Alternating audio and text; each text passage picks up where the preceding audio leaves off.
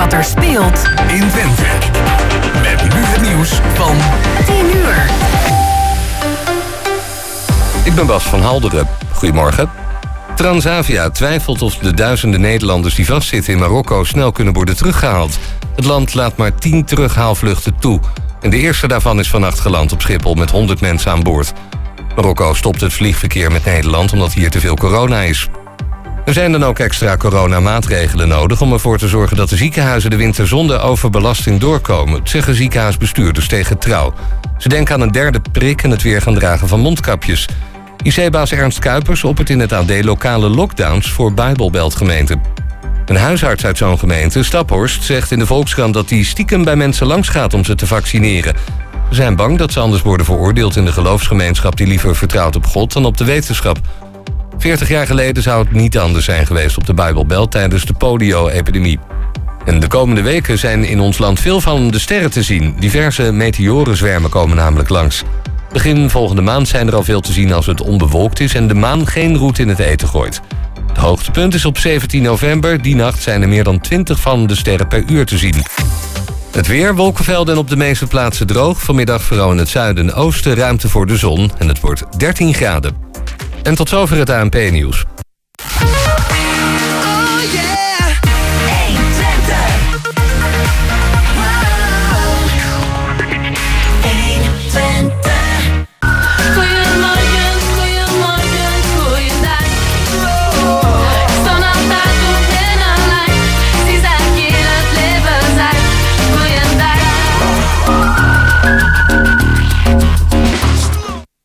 Ja, één minuut over tien. En dat op deze zonnige zaterdagmorgen.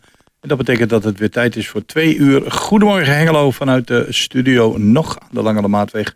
Eh, over een eh, bepaalde tijd zitten we misschien ergens anders. Eh, naast mij zit Chris van Pelt. Ja, de geruchten worden steeds sterker dat we toch echt gaan verhuizen van de Langele Maatweg en waarschijnlijk richting bibliotheek. Ja, maar, dat zeg, maar dat, wij houden u in de komende weken op de hoogte. Achter het glas, achter de knoppen zit Gerben Hilbrink. En inmiddels is Margret Roelvink ook al aangeschoven. Zij is eh, een van onze vaste gasten. En met haar gaan we het hebben over ja, alles wat met voeding te maken heeft. Wat hebben we nog meer, Chris? Of wat hebben we eigenlijk niet? Nou, ik wilde eigenlijk nog zeggen wat we allemaal niet hebben deze week. Dat is de Jo Nix route van Arjen Hogevorst in de Hasseler S. Een hele mooie route. Ehm, Dogs bij Merlin, eh, dat is dan een, eh, een hondenopvangcentrum in... Nou moet ik even, moet je Roemenië. helpen? Roemenië, dank je. Ik was het land even kwijt. Eh, de Nacht van de Nacht. Volgende week wordt de klok weer een uur teruggedraaid. Is er weer de Nacht van de Nacht. Thijs Jagers. Ehm, theatergroep Luna en theater, theaterkaartje opstand. En dan denk je, waarom roep ik dat allemaal om dat we dat deze week niet hebben? Want Maar wat hebben we wel? dat hebben we allemaal volgende week. Dat Ja. wou ik er nog bij zeggen. Nou, Margaret is er deze week. Eh, zojuist ook net in de studio binnengekomen zie ik Enis Odachi eh, van het boek Spiegelreis. Welkom. En eh, daar gaan we het over hebben, over dat boek. Astrid van Dam hebben we straks in de uitzending met de agenda van de bibliotheek. Ja, en na het eh, nieuws van 11 uur gaan we heel ver weg. We gaan Ja. naar Kirgizistan. En daar zoeken we contact met eh, Koen Wubbels en Marijke Vis. En eh, zij zijn al een geruime tijd onderweg. Zijn de auteuren van onder andere het boek Op pad met een eh Land Rover. En ze zitten nu heel ver weg.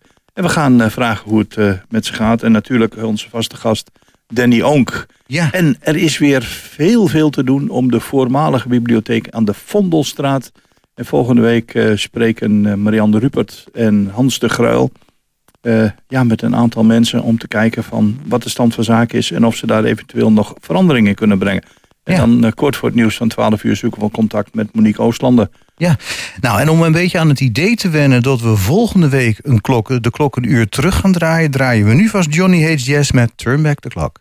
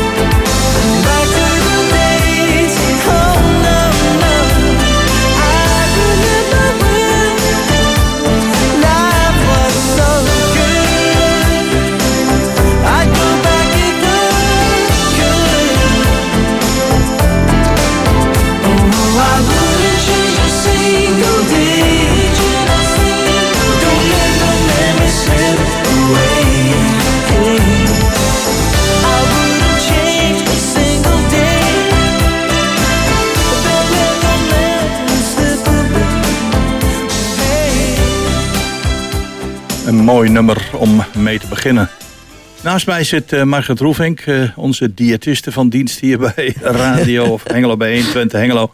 En, eh, ik heb je uitgenodigd naar aanleiding van een artikel in het dagblad. En dat ging over koolhydraten. Minder koolhydraten leidt niet bij iedereen tot gewichtsverlies. Nou, nou is koolhydraten iets wat in de afgelopen ja, weken, maanden, jaren heel erg veel op tafel lag. Sowieso diëten. Iedereen denkt het bij het rechte eind te hebben. Eh, ik denk van, nou, dan moeten we Margaret maar eens om de mening vragen van hoe zij daarin staat. Is koolhydraatarm echt eten echt gezonder? En de vraag is van, ja, wat, wat doen koolhydraten met je? Ja. Nou, ehm, het eerste is iets van, is een koolhydraat eh, hè, rijke of arme voeding, wat is gezonder? Dat hangt dus alleen al af van, hé, hey, hoe gezond ben je? Want eh, letterlijk hoe het lichaam er op dat moment bij staat, dat maakt al uit welke werking je kunt verwachten van verschillende soorten koolhydraten.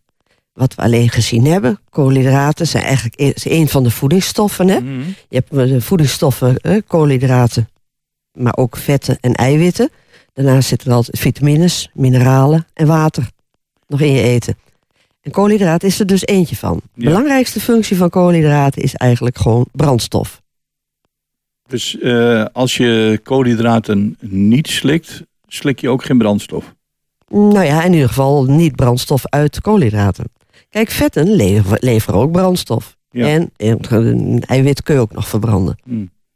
Maar eh, nu is er heel veel gezegd over koolhydraten, eh, suiker, eh, noem maar op, allerlei boosdoeners. Eh, nou, ik kom nog uit een generatie dat we overal suiker in deden. Dat er traditioneel, als je de mensen uitnodigde voor een verjaardag of voor een bijeenkomst, dan stond er altijd koffie op tafel met daarnaast koffiemelk en suiker. Als Ja. ik 's morgens eh Brinta nam, dan zat daar suiker in. Eh, noem maar op, suiker. eh, ik ben ermee groot geworden. En ja, nu is in één keer, nou, ik wil niet het woord taboe in de mond nemen, maar bijna wel. Je hoort iedereen schreeuwen van suiker.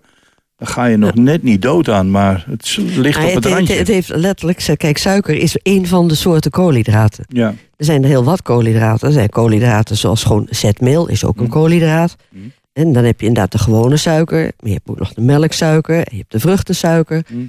En wat we kennen als eh, glucose, dat zit ook in, in, eh, in deel van je eten. Ook in planten, een deel in, in, in fruit natuurlijk, groenten. Het andere is dus de glucose, oftewel de, blo- wat puur hetzelfde is als je bloedsuiker. Ja. Er zijn nog wel wat eh, variaties eh, denkbaar. Maar dat is eigenlijk het belangrijkste van wat je kunt verteren en opnemen. Maar je moet eigenlijk bij voorstellen, de, de- die gewone, gewone suiker, wat wij dan kennen als de kristalsuiker, zeg Ja, maar. ja.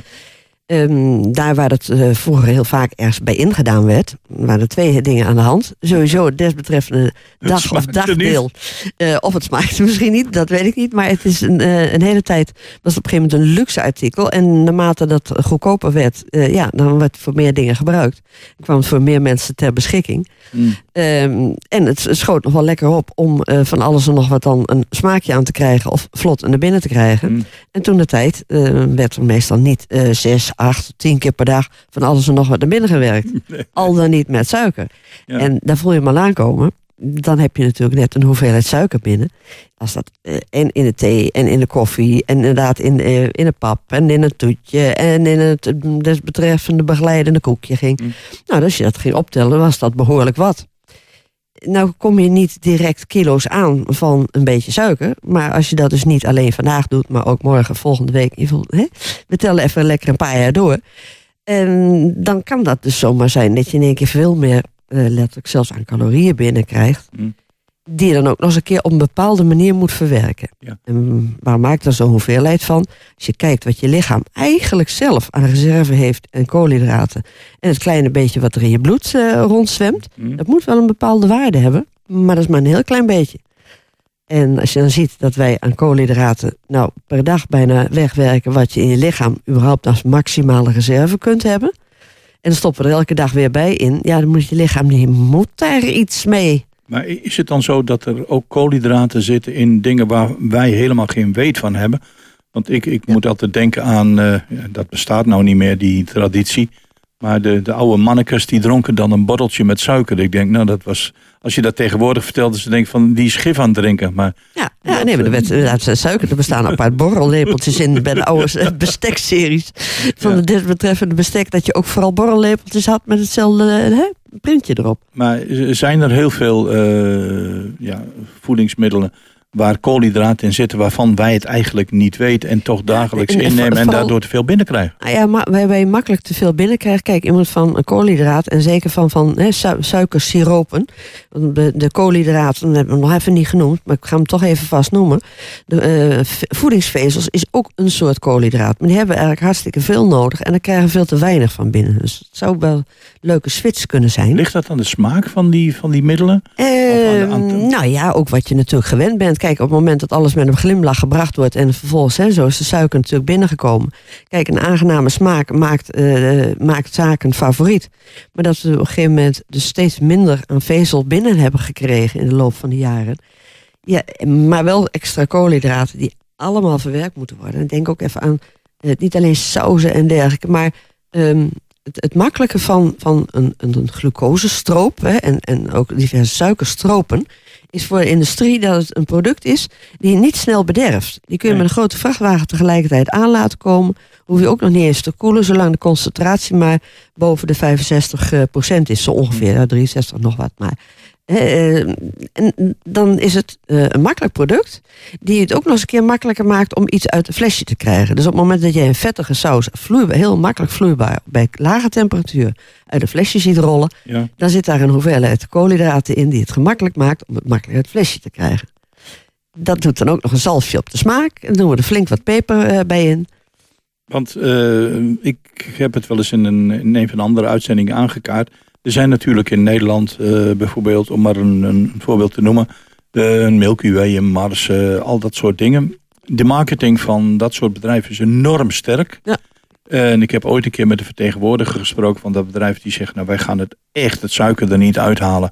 Want dan blijft er niks over. Nee, blijft er niks over. Als, je dat, als dat je product is, ja, dan moet je daar sterk voor staan. En dan kun je dus zien wat op een gegeven moment de marketing met mensen heeft gedaan. Ja. De reclame maken. Je weet het ook nog wel, de eerste begin van de tv was dan gewoon, gewoon nou, dat was tv omdat het tv was. Ja. En in één keer kwam de reclame tussendoor. Maar die reclame, dat wordt aan alle kanten inmiddels mee doodgegooid. Dat hebben we helemaal niet meer in de gaten.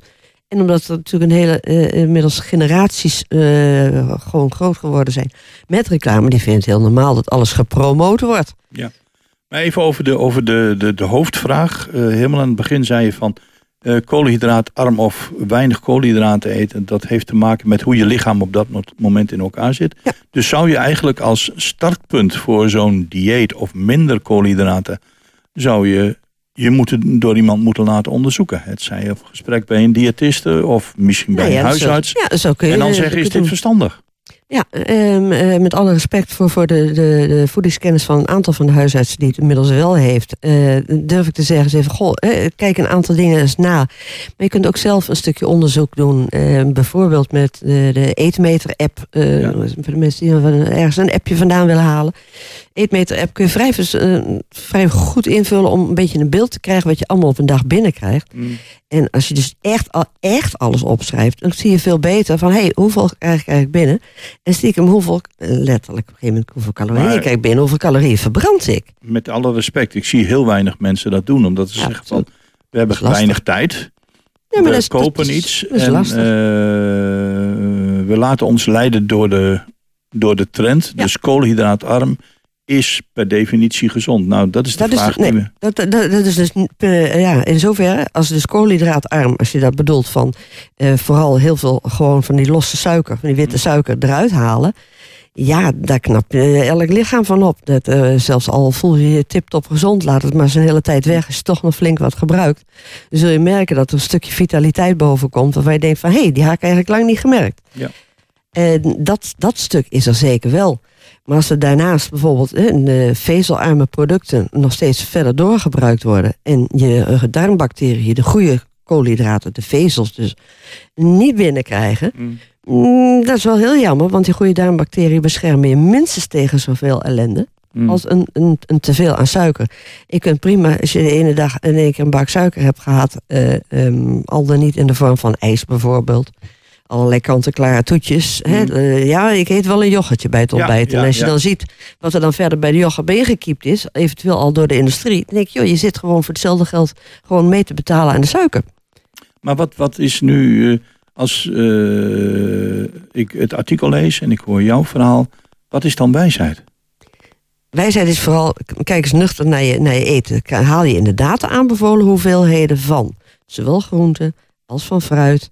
Eventueel gewoon volkoren. Hè? Fijn, denk even aan fijn volkoren producten. Of dat nou in de vorm van, van spelt is. Of eh, sommige mensen kunnen gewoon wat slechter tegen een harde tarwesoort. Maar meestal kom ik er tegen dat mensen daar slechter tegen kunnen. Omdat ze daarnaast heel veel andere dingen ook al lang niet gegeten hebben. Ja. En dus eigenlijk de algemene voedingstoestand gewoon wat slechter is. Ja, en dan wordt het moeilijker om het natuurlijk weg te werken. Want suiker kun je wat dat betreft net zien als een soort, eh, ja, noem het een soort afval. En eh, zolang er niemand staakt bij de afvalverwerking, dan kun je het goed wegwerken. Maar als een van de lichaamsonderdelen het allemaal even net niet meer trekt, ja, dan moet je aan de bak. Dus, Bewegen, bewegen, bewegen. en vooral, het, eh, dat is ook een beetje jouw, jouw leidraad, alles wat je eet moet je ook smaken. Maar dan Het net iets minder. Ja, maar zorg dat het datgene wat je eet, zeker als je denkt van hey, eigenlijk is dat misschien niet het meest slimme, maar zorg dat je ervan geniet. Anders eet je het echt voor niks. En wat sommige mensen van mij ook weten, als je nou echt denkt van oh ja, maar kan, ik kan er niet toe komen om het weg te gooien, dan ga je één keer naast jouw eh, eh, groene auto staan, maak je een selfie, zorg dat de auto er ook op komt. En de titel voor onder die eh, foto is Wie is de echte auto? Goed. Laatst, we- we- ik- ik wil toch nog even naar, naar de, de, de koeienletters boven, boven het artikel. Ja. Bak zo'n taart niet met boter, maar met olie. Ja. Wij zijn Nederland zijn boterbakkers. Hè? Wij zijn, ja, eh, van, van traditioneel gezien Ja. natuurlijk. Hè, de- als melkproduct is daar de, de roomboter. Mm. Ja, daar komt ook zo'n ding. Met wat ga je wat bakken? Eh, met olie kun je prima ook bakken. Dat wil zeggen, maar kijken of je de goede soort olie hebt... die voldoende onverzadigde vetten gebruikt... wil je echt wat leuks erbij hebben. Mm. Hoe vaak en hoeveel ga je ergens van maken? Maar dat het dus per se niet kan met het andere product... ja, dat is helemaal niet waar. Probeer het maar eens uit olie de, de, en ook de, de vetsoort die erin doet, die bepaalt een groot deel van de smaak. Mm. We weten dat heel veel verzadigd vet, dat dat niet zo best is. Mm. Ja, en is dat het laatste vet, want meestal is dat de goede smoes om niet alleen de taart met roomboter te bakken, maar dan ook direct alles en vooral veel. En zeggen van, oh ja, moet kunnen. Ja, tot hoever stop je je kop in het zand? Van, van, van alles wat, maar niet enkel en alleen maar dat. En we hebben natuurlijk met heel veel te maken met heel veel mensen die in een voorstadium van diabetes zitten.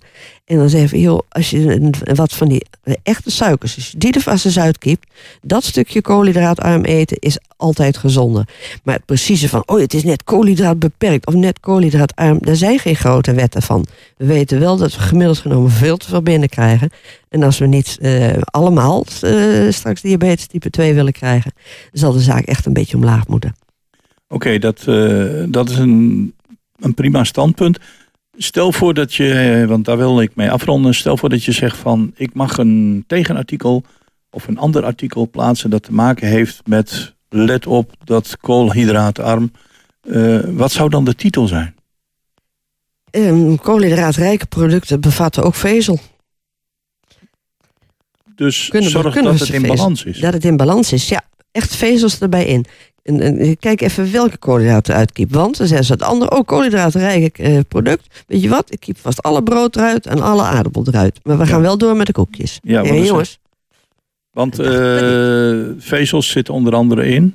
groente, fruit en graanproducten. Ja, en dan heb je het over, eh, over eh volkorenbrood, roggebrood, dat soort zaken. Bijvoorbeeld. Maar ik denk ook aan, aan mogelijkheid voor noten en een keer pulvruchtenmaaltijd. Pul, pulvruchten lenen zich ook nog wel als broodbeleg. Nou, wilt u nog meer weten, eh, want de tijd zit er eh, helaas op, dan kunt u contact opnemen met de diëtiste Margreet Roelvink. Info, Dus at, de, info at diëtisthengelo.nl als je Ja. een mailtje wil doen. Ja, info.diëtisthengelo.nl en jouw telefoonnummer. Dat is het 074 2 3 keer een 7 en dan 100.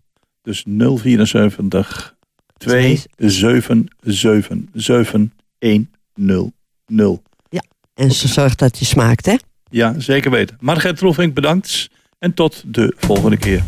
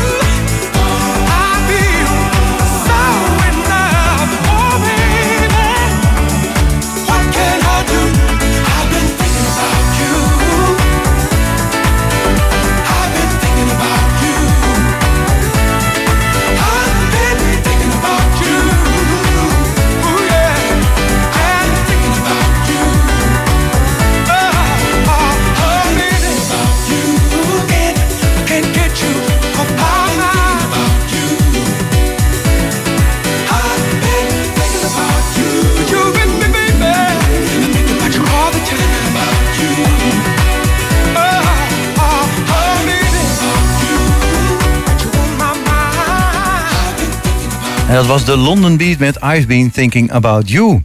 Ja, en naast ons is inmiddels aangeschoven Enis, Enis. En met hem eh, gaan we praten onder andere over eh, het boek De Spiegelreis... dat samen opgesteld is met Herman Koetsveld.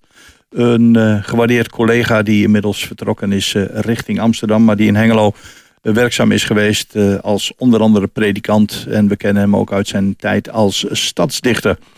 Eh, Chris, jij Ja. hebt, jullie hebben samen aan tafel gezeten. We hebben al een keer eerder het eh, boek kort Ja. belicht. Eh, ja, wie, wie zit er eigenlijk naast ons in de studio? Nou, een hele lieve meneer. En we mogen Enes zeggen. Ja. Dus dat is ook al heel fijn. Eh Enes, welkom in de studio. Denk ik wel. Ja, Ehm, ja, ja, het is een hele bijzondere man, eh, hè, dat vind ik. Ik vind je ook een hele bijzondere man. Eh, Ik had het ook even over Herman Koetsveld, inderdaad. Ook een zeer bijzondere man. Jullie hebben elkaar ook gevonden. Zeker. Ja. Ehm, oh, laat ik daarmee beginnen. Hoe is het nog eh, op dit moment met eh, vriendschappen, de verstandhouding met Herman? Eh, de uitdrukking luidt uit het oog, uit het hart. Hè? Dus nou, precies, is, daarom eh, vraag ik het ook. Nee, maar we zien elkaar gelukkig nog wel. En eh, af en toe hebben we nog een gezamenlijke lezing in het land. En, ehm, en eh, hoe je het bent of keert, de projecten die hij momenteel doet in Amsterdam, in de Westerkerk. eh, zodra ze een interreligieus karakter krijgen, dan belt hij mij op. En dan ga ik echt met heel veel plezier weer naar Amsterdam. En doen we samen weer de leuke dingen die we hier ook deden. Ah, Dus het kijk gaat goed. En hij is echt op zijn plek. Oh, mooi, ja. Jij gaf ook even nog een voorbeeld eh, toen met het overlijden van eh, Peter R. de Vries. Ja, dat was ook in Amsterdam. Ja, je vertelde ook, hij heeft meteen ook de kerk opengegooid... om een plek te geven om te rouwen voor wie maar wil. Dat vond ik ook al een hele mooie gedachte. Zo van even het geloof opzij, maar gewoon een maatschappelijke gevoel...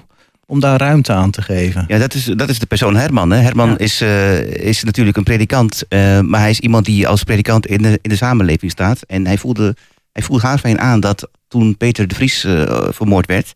dat er een behoefte was om te rouwen. En rouwen is, is natuurlijk, eh, hoe je het bent of verkeerd... ook Ja. een spiritueel religieus begrip.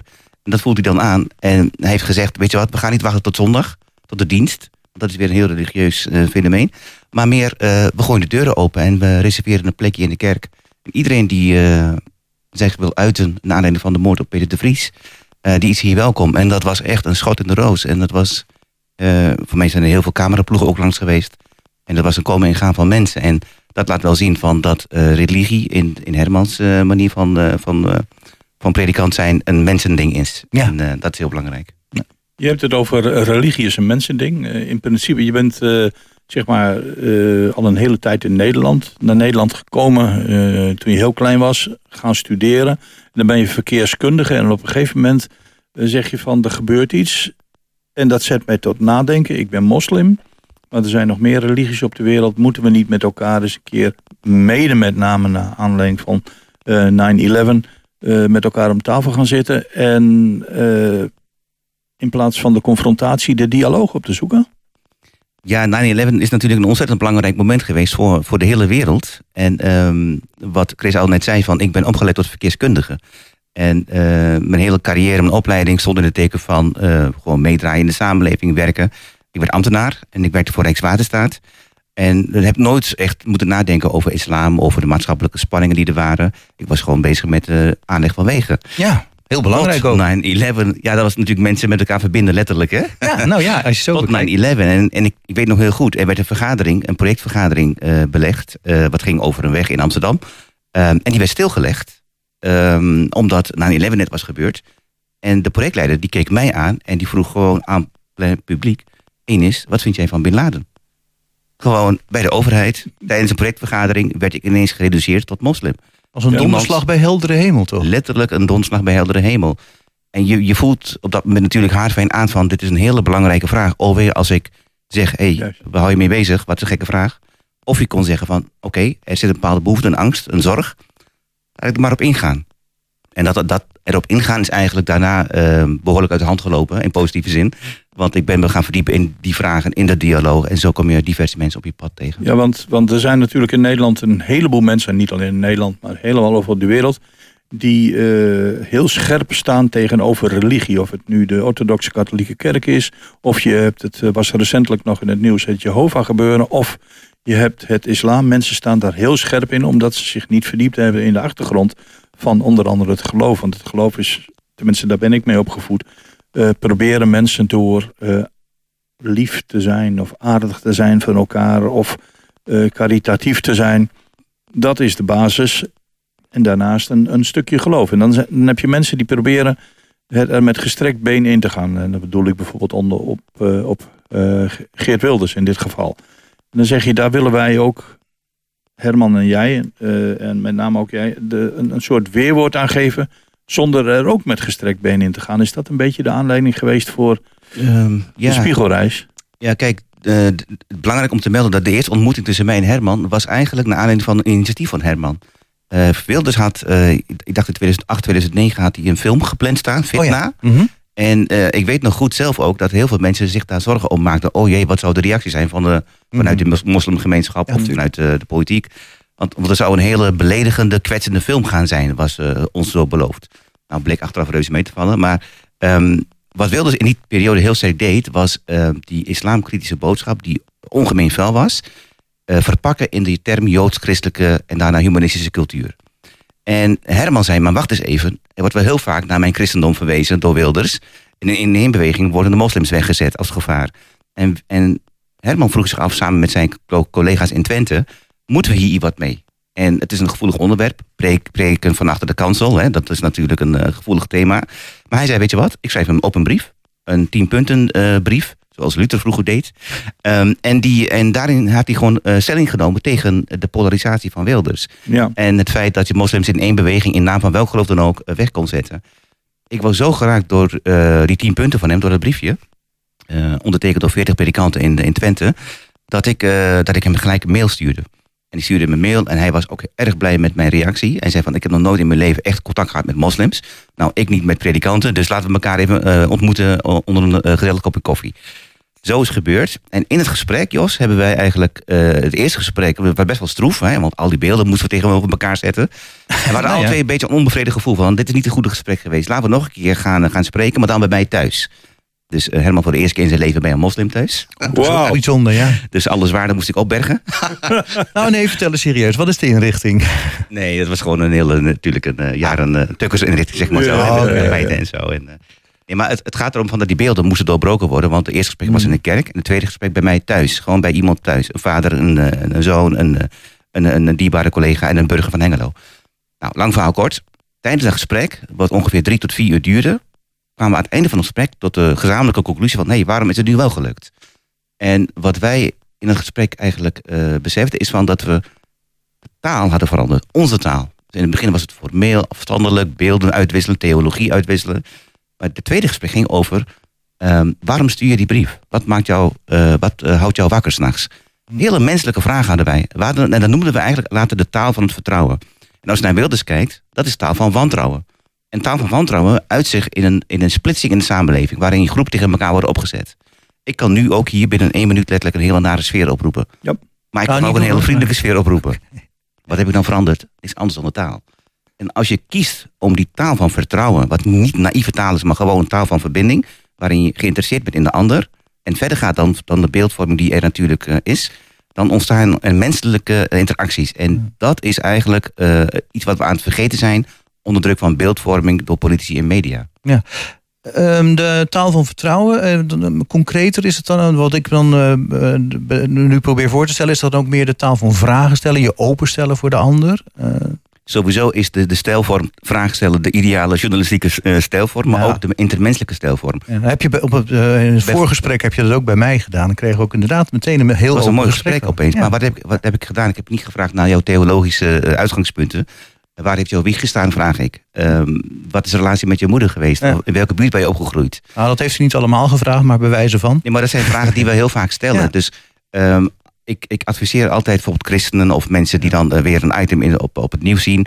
En dan is een buurvrouw toevallig een moslima, hè, of, een, of een meisje van 18 die net gaat studeren, die draagt een hoofddoek. Nou, onze eerste reactie is van, uh, oh jee, dat is een onderdrukte vrouw of een meisje, die heeft geen vrijheid van meningsuiting. Die moet een hoofddoek doek, doek dragen, want anders heeft ze problemen met de ouders en ga maar door. Afghanistan, hè, je ziet het hele gedoe.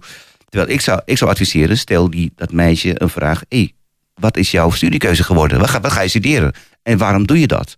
En uh, waar, ga je, waar ga je überhaupt leven zo meteen? Hele andere vragen, die ineens de mens naar voren halen. En weet je wat, als het leidt tot een vriendschap, tien gesprekken later stelde is een vraag over, uh, over de islam. Maar al die vragen daarvoor, al die ontmoetingen daarvoor, moeten gaan over wat ons bindt. En wat ons bindt is letterlijk ons leven in de straat, de buurt, de school, werk. De, mag, ik, mag ik stellen, de mens centraal? Absoluut, de mens centraal. Want er, ik, er is een hele tijd geleden, eh, hebben we twee of drie jaar achter elkaar in Hengelo, de dag van de dialoog gehad. Ja. Eh, Marian Rupert, die ook in de volgende. eh, Ik vond dat waanzinnig mooi. We zaten daar met mensen aan tafel en er kwam een dialoog op gang. En een dialoog is geen discussie, maar gewoon ik praat, jij luistert, jij praat, ik luister.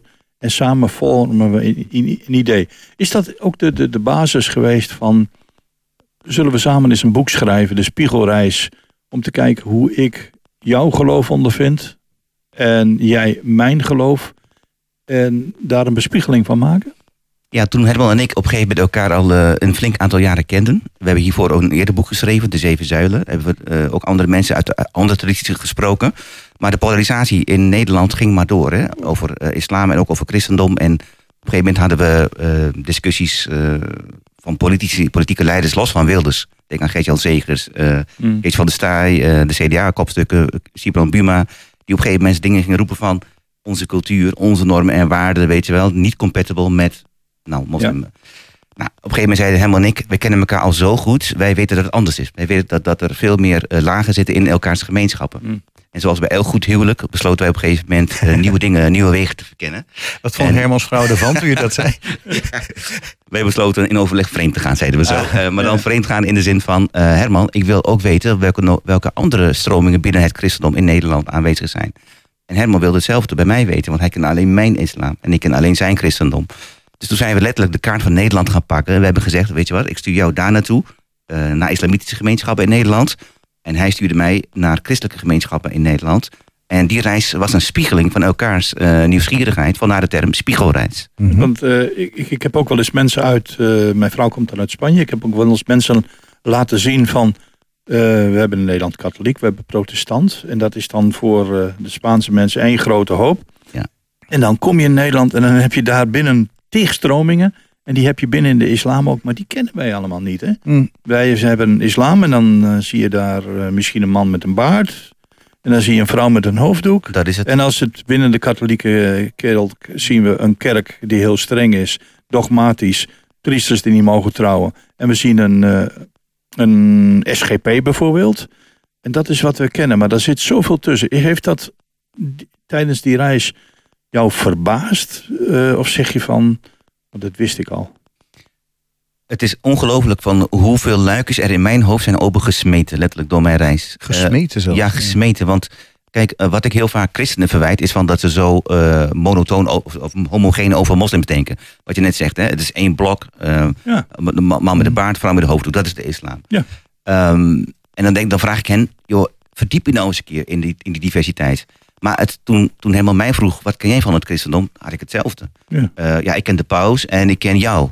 En meer ken ik niet. Ja. En jij bent protestant, maar wat er nou is protestant, ja, ondanks on- onze contacten, wist ik het niet. Dus toen hij mij op reis stuurde, hij stuurde mij onder andere op reis naar Ja. eh, de, een zusterklooster in, in het Oosterhout. ja. Dus ik heb overnacht in een, in een klooster met alleen maar zusters.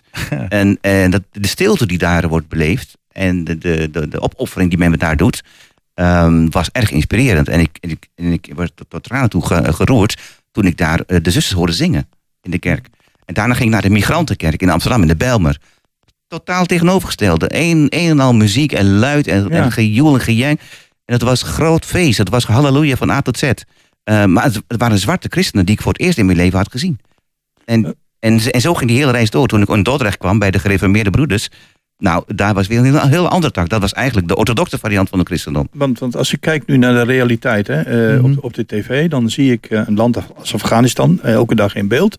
En dan zie ik dat er aanslagen worden gepleegd door moslims op moslims. En, denk, dan, en als, als, als leek, die alleen de man met de baard en de vrouw met de hoofddoek kent, snap ik dat dan niet. En denk ik van, waarom moorden die mensen elkaar uit, terwijl ze van één hetzelfde geloof zijn? Oké. Als ik zeg de inquisitie, Ja, dan, dan is het toch logisch dat mensen dat doen? Ja, logisch, maar dan is ja. het wel, dan heb je eigen referentiekader. ja. De spiegelreis heeft mij ook geleerd dat alles wat er in de islam voorkomt, letterlijk ook in het christendom voorkomt. Ja. Letterlijk. Eh, de beeldvorming is letterlijk eh, gespiegeld. De stromingen van super-orthodox tot heel vrijzinnig is letterlijk gespiegeld. De angstbeelden die zijn over en weer ook. Maar ook de radicale ideeën, die zijn er ook. En ehm, dus elke als ik zeg van, en dat is de, gun, dat is de, de kennis die ik nu heb. Mhm. Als jij deze beelden over eh, uit Afghanistan hebt, als het ware. eh, geloof me, moslims hebben die ook richting, eh, richting de christenen. Ja. En dat uitwisselen is zeer, zeer verrijkend.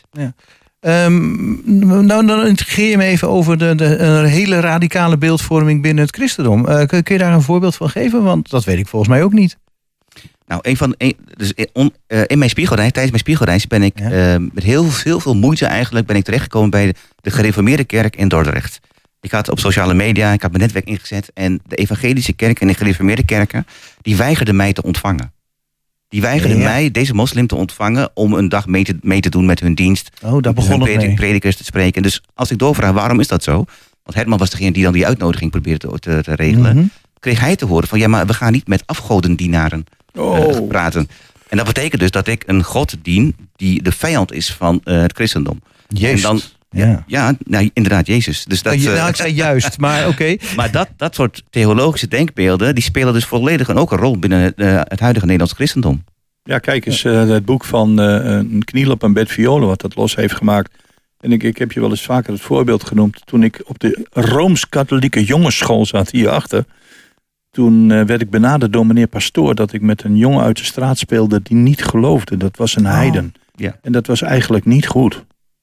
Dus ik ben ook met die denkbeelden opgevoed van eh, er is maar één God en de rest is... eh, En, dat, moet en dat je- manifesteert zich nog steeds in Ja. Nederland tot huwelijkskeuzes, tot niet mogen mengen met bepaalde Ja. zaken, tot Ja. uit, uithuisstotingen van kinderen die weigeren, die, eh, die een ander geloof willen aanhangen of iets, iets losser in de omgang willen, willen bepleiten. Dus het is nog steeds volledig te spiegelen aan, aan wat ook bij sommige Ja. moslims Ja. gebeurt. Nou, ja, dan weer we terug moeten naar... gaan afronden zo, Chris. Dat wou ik zeggen, Ja. ja. Maar ik, eh, mag ik nog één vraag stellen? Nou, vooruit. Eh, de Spiegelreis heeft eh, heel veel opgeleverd voor beide partijen. Zeker. Eh, en ik denk dat de mensen die jullie bezocht hebben ook eh, blij zijn dat dat bezoek heeft plaatsgevonden. Van beide kanten. Maar we leven een aantal jaren later. Eh, als je nu zo'n spiegelreis zou maken, zou dat dan een, een andere reis zijn? Met een ander eh, ingangs, eh, ja, invalshoek? Of toch Ehm, weer de dialoog opzoeken? Ja, we hebben, kijk, je kunt het heel groot aanpakken. Hè, dat je de, de wereld wil veranderen, dat je de politieke wil mobiliseren. Mhm. Maar helemaal niks zijn twee mannetjes uit Hengelo. Ehm, die gewoon zeggen van onze taal van vertrouwen, dat geven wij door. In alle ontmoetingen die we hebben, proberen we die taal gewoon eh, onder, onder, elkaar te delen. In de hoop dat jij het weer verder bespreekt thuis dan wel met de collega's. En dat is die olievlekwerking eh, waar we het graag bij, bij, bij willen houden. Eh, natuurlijk, als ik een ander talent zou hebben, een ander netwerk... en ik was politiek, had ik een hele menigte achter mij... had ik het op die, dat podium gedaan. Maar ik heb dat niet. Ik, ben, ik, ben, ik kan goed schrijven, ik kan af en toe eh, goed spreken... en daar houd ik het bij. En dan als we die klikjes maken op het persoonlijke vlak... dan volgt de politiek, geloof ik. En dan volgen de media, dan volgen de mensen... die dat altijd inspirerender vinden dan de taal van polarisatie. En dat is hoe het werkt. De taal van vertrouwen, de taal van gewoon elkaar kunnen zien... en, en, en erkennen als mens betekent niet dat we elkaar gaan nuanceren of dingen onder het tapijt gaan schuiven. Maar we erkennen en respecteren elkaar als eerste. En die taal is zeer, zeer aanstekelijk. Dat gun ik iedereen toe.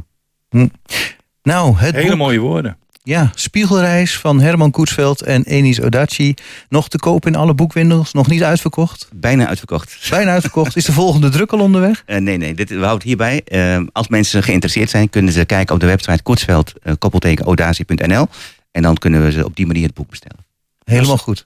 En we gaan eh, proberen opnieuw een dag van de dialoog in Hengelo. Zou heel erg fijn zijn. Enis Odatje, bedankt voor je komst naar de studio. En eh, heel veel mooie dialogen toegewenst. Dankjewel. Face it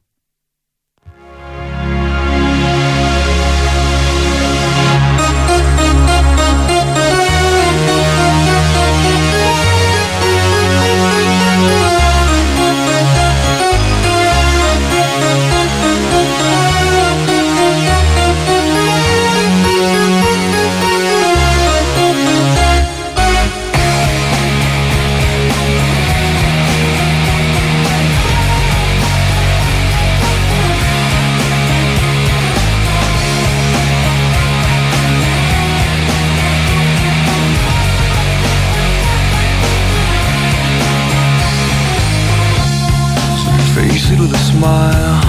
There is no need to cry for trifles more than this. Would still recall my name and the month it all began, will you release me with a kiss? Have I tried to draw the veil? If I have, how could I fail? Did I fear the consequence?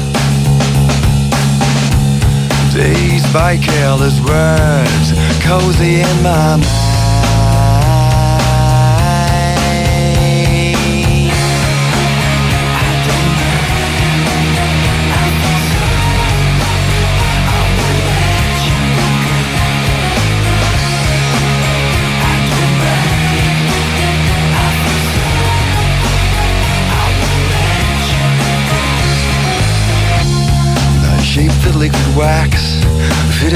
Greater cracks, sweet devotion, my delight.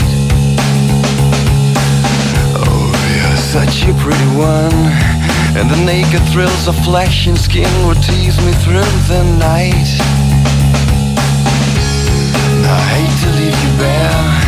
If you need me, I'll be there. Don't you ever let me down.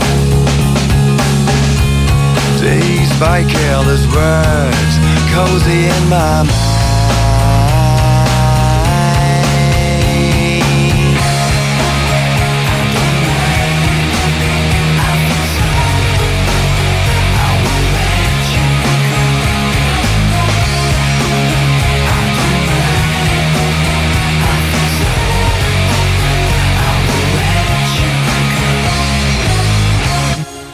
And I touched your face, narcotic mindful lace, Mary Jane. And I called your name like an addicted to cocaine, calls for the stuff without a blame. And I touched your face, narcotic mindful lace, And I called your name, Michael Kidd.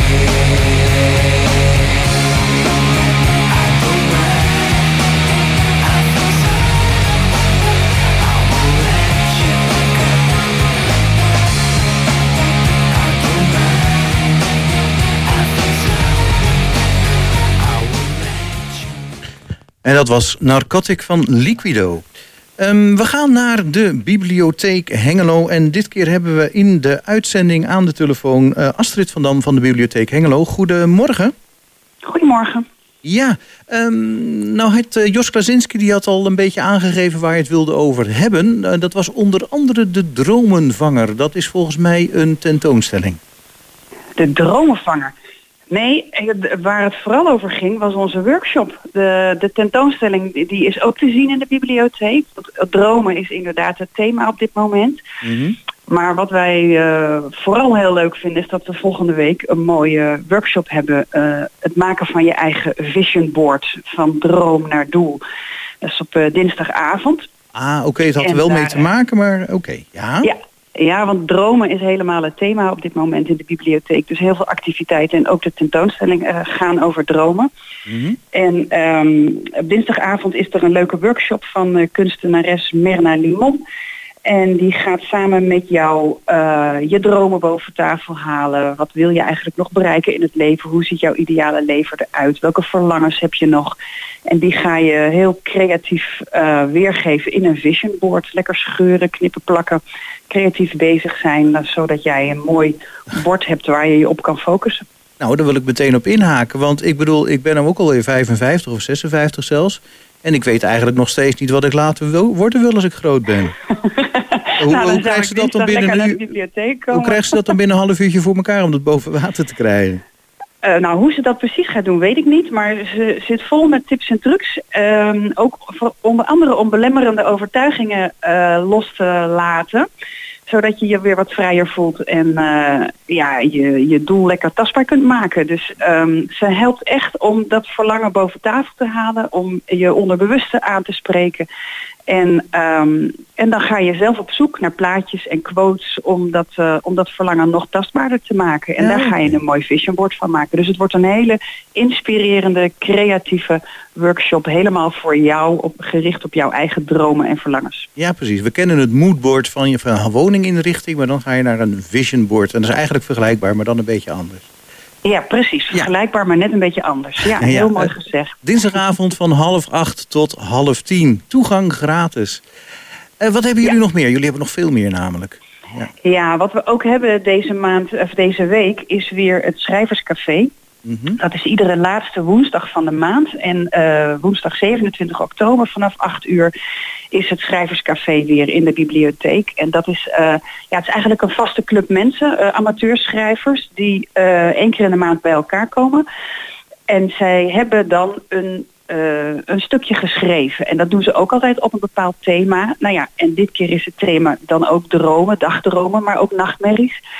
Ehm, dus dat thema, dat hebben ze al uitgewerkt in een verhaal. Dat verhaal hebben ze al ingestuurd. Dat kan een column zijn, een zeer kort verhaal, een sprookje, een dialoog, een, een essay, net hoe jij het wil vormgeven. Ehm, dat delen ze met elkaar en dat wordt dan in dat schrijverscafé worden een aantal van die verhalen besproken. Oké. En eh, je kunt daarbij aanschuiven als je wil, dus iedereen is welkom.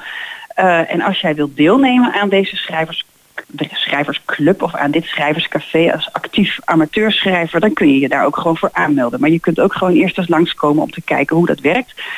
Dus ja, ze, ze, ze reflecteren op elkaars verhaal en je krijgt ook altijd feedback. Ook als je verhaal niet besproken is, krijg je nog weer feedback op datgene wat jij hebt geschreven. En ze bespreken op die avond ook altijd het thema voor de volgende keer. Zodat ze eh, over een maand, als ze weer samenkomen, weer de verhalen die ze dan hebben geschreven op het nieuwe thema met elkaar gaan bespreken. Oké, maar als je dan eh, nog niks geschreven hebt... kun je op woensdagavond ook eens komen kijken van hoe dat dan in zijn werk gaat? Ja, juist. Dat is heel gezellig. Dus kom vooral. Eh, de entree is 5 euro. Ehm, het is van eh, 8 tot 10, woensdagavond. Ehm, en eh, je moet wel even een ticket bestellen. Ehm, maar ook als je niks hebt geschreven, kun je gewoon komen en luisteren naar de verhalen die op dat moment worden besproken. En misschien raak je geïnspireerd op het nieuwe thema om voor de volgende maand wel een eigen verhaal in te dienen. Mooi, ja, ook alweer heel inspirerend. En nou ja, eh, dan gaan we naar de volgende. Eh, ik zie hier ook iets van de Wiki Kring Twente op de donderdag 28. Eh, ja, dat klopt. We hebben ehm, eh, iedere maand een bijeenkomst van de Wikikring. Eh, dat zijn ook schrijvers die, ja, die rond hun eigen thema eh, ehm, verhalen schrijven voor, voor ehm, ja, zeg maar de, de Wikipedia van de bibliotheek. Ze schrijven over hun meest, meest geliefde thema en ehm, eh, ja, dat wordt dan weer eh, aangevuld vanuit andere bestaande artikelen. Oké, daar kun je dus eigenlijk weer van alles wat verwachten. Ja, het gaat wel vooral over Twentse thema's. Dus eh, ja, iets uit de geschiedenis, de kunst, techniek, wetenschap, alles is eigenlijk welkom. Ja, ja, nou, het, ik, ik verbaas me er helemaal over van... ja, je kan dan binnen het lezen en schrijven... kun je nog zoveel gevarieerde onderwerpen bedenken, hè? Heel veel gevarieerde onderwerpen. Je kunt overal over lezen en schrijven. Ja, dat heb je ook Ja. heel kort eh, mooi gezegd. Eh, dat is dan in ieder geval de Wikikring Twente is dan donderdag 28 van kwart over zeven tot half tien s'avonds. En de toegang is gratis. Ehm dan zijn we de week alweer bijna rond. En vrijdag de 29e een paar hele praktische zaken. Is dat zo? Ja, ik heb hier ook de website voor me. Ik kijk zit ook Ja. wel mee te kijken. Nee, ik heb hier dan staan eh, de job-on training, jouw top-cv schrijven. Wa- Waarschijnlijk Ja. hulp bij het maken van je curriculum. Ja, precies. Ja, mensen die moeten solliciteren, die kunnen bij ons terecht om hulp te krijgen bij het opstellen van een pakkende cv die gelijk weer uit wordt gehaald. En eh, als je daar dan nog een goede brief bij stopt, dan eh, word je absoluut uitgenodigd voor een gesprek. Nou ja, de- zo wordt in ieder geval het ingestoken om ja, te kijken hoe jij eh, jezelf beter kan presenteren als je op zoek bent naar een baan. Ehm, dat is dan een online cursus. eh, vrijdagochtend tussen 10 en 12. Is ook gratis meedoen. Ja. Eh, dan zie ik hier nog een computerspreekuur. Nou, dat is altijd handig als mensen vragen hebben over computers, eh, hulp bij, nou van alles en nog wat, wat met de computer te maken heeft, kun je daar terecht, hè? Ja, klopt. We hebben iedere laatste vrijdag van de maand van half twee tot half vier ook een computerspreekuur van eh, medewerkers van de bibliotheek of van Senior Web. Die zijn daar dan aanwezig en daar kun je echt eh, terecht met alle vragen die je hebt over jouw computer. Nou, helemaal goed. Nou, en dan kunnen we in ieder geval vast de zaterdag noemen, 30 oktober. Eh, want dan is er weer een boekenverkoop. Ehm, ja, Ja. Zijn er nog boeken over? Want eh, er waren van, door corona kon die boekenverkoop een aantal keren niet doorgaan. Ik begreep van de vorige keer dat er dus ook een extra aanbod was. Is het nog steeds extra groot, die, dat aanbod? Ja, we blijven, blijven de collectie saneren, opschonen en, en aanvullen met nieuw materiaal. Dus er is altijd voor iedereen wat te vinden tijdens de boekverkoop. En ehm, eh, ja, dat blijft, gewoon, dat blijft gewoon stromen. Dus kom vooral langs, 30 oktober. En ehm, eh, neem er een lekker kopje koffie bij en snuffel alle boeken die, eh, die wij uit de collectie halen, maar die nog een heel mooi tweede leven verdienen ergens bij jou op de boekenplank. Nou, kijk eens. Dat lijkt me een mooi einde. Maar wil je er nog iets aan toevoegen? Nee, ik ben, ik ben helemaal voldaan. Bedankt voor de aandacht weer. Ja, natuurlijk. Eh, de boekenverkoop begint dus zaterdag 30 oktober om 9 uur 's ochtends tot een uur of 4 's middags. Maar ja, Ja. Wil, eh, wil je de, de leukste boeken hebben, dan raad ik aan om in de ochtend te komen. Zeker, ja. En aan het eind van de dag dan eh, moet alles weg. Dus dan, als je dan nog in de restjes wil snuffelen, krijg je volgens mij nog extra korting. Oké, oh, kijk eens aan. Extra korting aan het einde van de middag. Dat is dan ook weer de moeite Ja. waard. Goed, rest, eh, de Astrid van Dam, ja. dankjewel. En graag tot volgende week met een van je collega's. Dankjewel, tot ziens. En daarmee zijn we bijna aan het einde van het eerste uur van Goedemorgen Hengelo. Jos, jij Ja. bent weer aangeschoven en helemaal geïnspireerd nog door... eh, Enis Sodaci, ja, ik denk eh, dat er eh, binnenkort wel eh, gesprekken zullen plaatsvinden. Ik eh, ben, eh, ja, ben toch wel van de dialoog. En ik denk dit, eh, dit gesprek wat we hebben gehad met hem heeft ook bij mij veel, eh, veel losgemaakt. Mooi. Eh, ja, tenminste, dat zeg ik nou heel denigrerend, maar het is echt mooi. Graag tot na elven.